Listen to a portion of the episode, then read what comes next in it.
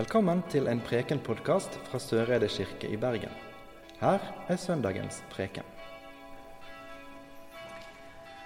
Det står skrevet i evangeliet etter Matteus, og det er Jesus som snakker.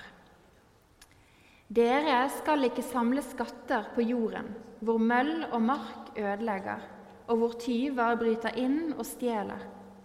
Men dere skal samle skatter i himmelen, der verken møll eller mark ødelegger, og tyver ikke bryter inn og stjeler. For der skatten din er, vil også hjertet ditt være. Øyet er kroppens lampe. Om øyet ditt er klart, er det fordi kroppen er fylt av lys. Men om øyet ditt er sykt, er det fordi kroppen er fylt av mørke. Er nå lyset i deg mørke, hvor dypt blir ikke da mørket? Ingen kan tjene to herrer. Han vil hate den ene og elske den andre, eller holde den ene og forakte den andre. Dere kan ikke tjene både Gud og mammon. Slik lyder det hellige evangeliet.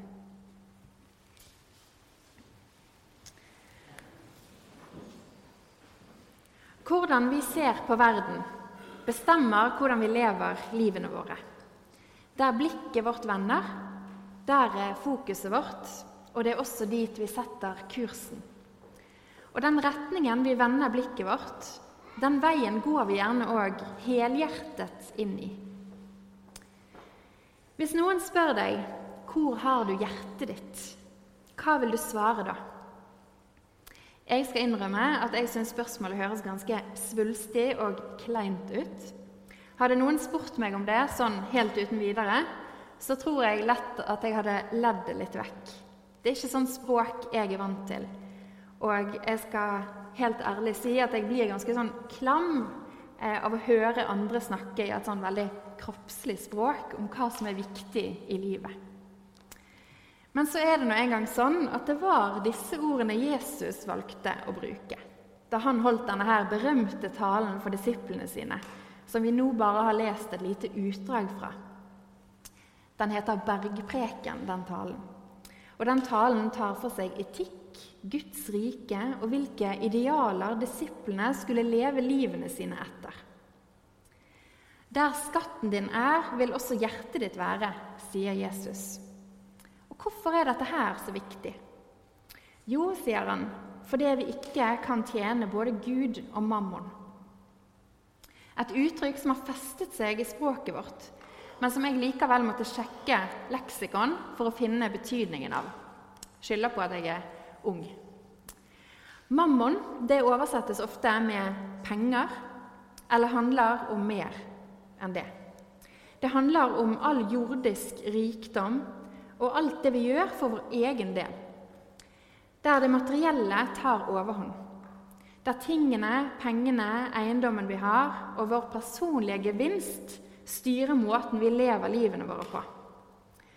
Og dette er det motsatte av å tjene Gud. Fordi at gjennom å tjene Gud, så tjener vi også fellesskapet. Gjennom å tjene mammon så kommer havesyken, der mye vil ha mer. Jesus bruker ikke disse hjerte-øye-metaforene uten sammenheng.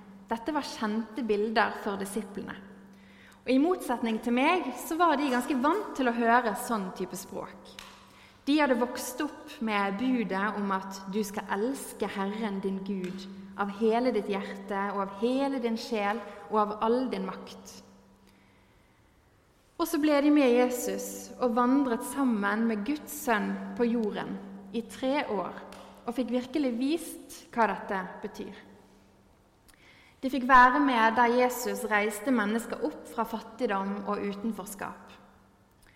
Og jeg tror ikke at de opplevde det som kleint når Jesus snakket sånn som han gjorde. Dette her ble jo skrevet ned og bevart. Dette var viktig. Og det er fremdeles viktig, og kanskje mer aktuelt enn noen gang når vi ser på verden i dag. Jesus ber disiplene om å tjene Gud. Å tjene Gud er å elske Gud. Hvor hjertet er, er der skatten er. Og der blikket vender, der setter vi også kursen. Vi kan ikke tjene både Gud og mammon. Fordi at å tjene Gud, det innebærer å rette blikket utover. Ut til den andre, til våre medmennesker, til skaperverket som vi alle er del av.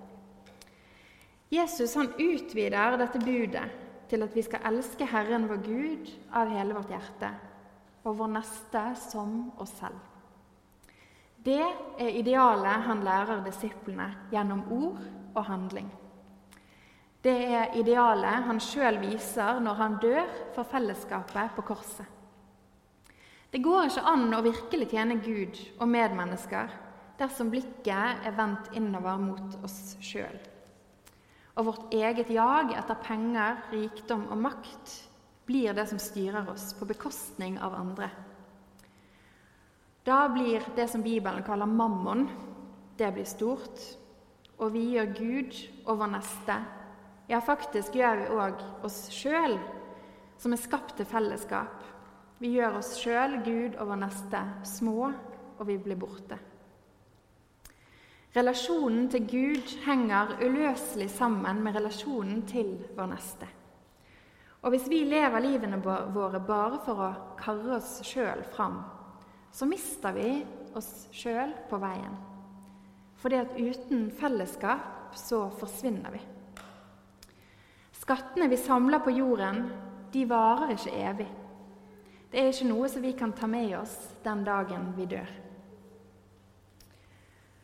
Og selv om Kirken gjennom historien litt for ofte har opptrådt makt- og eiesyke, så har det alltid vært Kirkens vesen å ta seg av fattige.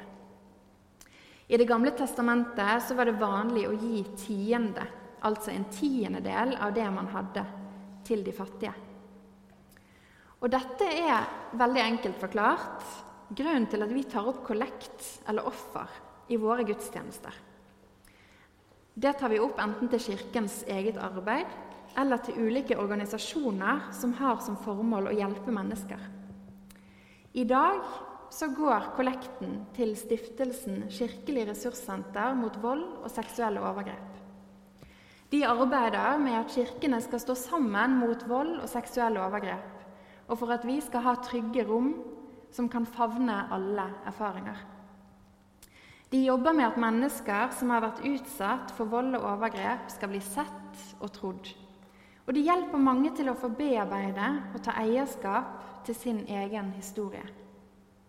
For vi vet at disse historiene og erfaringene finnes, også i Kirken. Det er livsviktig at vi som fellesskap tar disse historiene på alvor, og at vi tåler å møte dem. Jeg tror i alle fall på en Jesus som fremdeles kommer helt ned til oss, som gråter sammen med oss og som kjenner de delene av oss der skammen har fått sette seg fast. På Kirkelig ressurssenter sine kontorer der har de en hustavle som jeg syns sier det så fint. Der står det Krenkes et medmenneske, krenkes Gud. Ingen skal bære alene. Vi vil støtte, vi vil tro på, vi vil skape trygge rom. Kirkene står sammen mot vold og seksuelle overgrep. Og Hvis vi går litt tilbake til dagens prekentekst, så kan det kanskje virke som at Jesus helst vil at vi bare skal avstå fra penger og alt som er digg. Men poenget er at han så hva som ødelegger mennesker. Han så at det ikke var mulig å gjøre begge deler, fordi hjertet vårt bare kan være ett sted. Vi er ikke satt på jorden for at livene våre skal styres av penger og penger alene. Penger gir muligheter, og de mulighetene er enten å sette oss sjøl først eller å sette fellesskapet først. Å elske Gud av hele våre hjerter, det dreier seg om vår grunnholdning i forholdet til Gud og medmennesker. Tingene vi eier og stadig bygger livene våre rundt, de står i fare for å skygge for denne viktige oppgaven å elske Gud og mennesker. Det er akkurat som Jesus ber oss om å velge pengene eller livet. Det er umulig å tjene Gud med et sideblikk på vår egen fortjeneste og posisjon. Og det er et valg vi kan ta. Vi kan investere pengene våre i det som skaper liv, i ordets rette betydning. Vi kan støtte organisasjoner som jobber for saker vi vil støtte. Vi kan kjøpe etisk produsert mat, klær, kosmetikk og elektronikk. Som forbrukere kan vi boikotte selskaper som ødelegger for sårbare mennesker eller skaperverk. Og I dagens opplyste samfunn så kan vi ta ansvaret vårt som verdens rikeste det kan vi ta på alvor og bruke pengene våre smart. Sånn kan vi elske Gud og vår neste som oss sjøl. Enten vi kjenner våre neste, eller de er langt, langt vekke. Så kan vi sette de, fellesskapet, foran oss sjøl og det materielle. Jeg startet med å si at Måten vi ser på verden, bestemmer hvordan vi lever livene våre. Og livene våre de hører sammen med Gud, hverandre og hele skaperverket. Ett fellesskap der kjærligheten binder sammen. Ære være Skaperen, Frigjøreren og Livgiveren, som var, er og blir en sann Gud fra evighet til evighet. Amen. Du har nå hørt en Preken-podkast fra Søreide kirke i Bergen. Vi samles til gudstjeneste hver onsdag og søndag, og har ellers arrangement for alle aldre. Følg oss gjerne på Facebook og Instagram, eller finn oss på kirken.no soreide. Takk for at du hørte på. Inntil vi høres igjen, ha en god uke.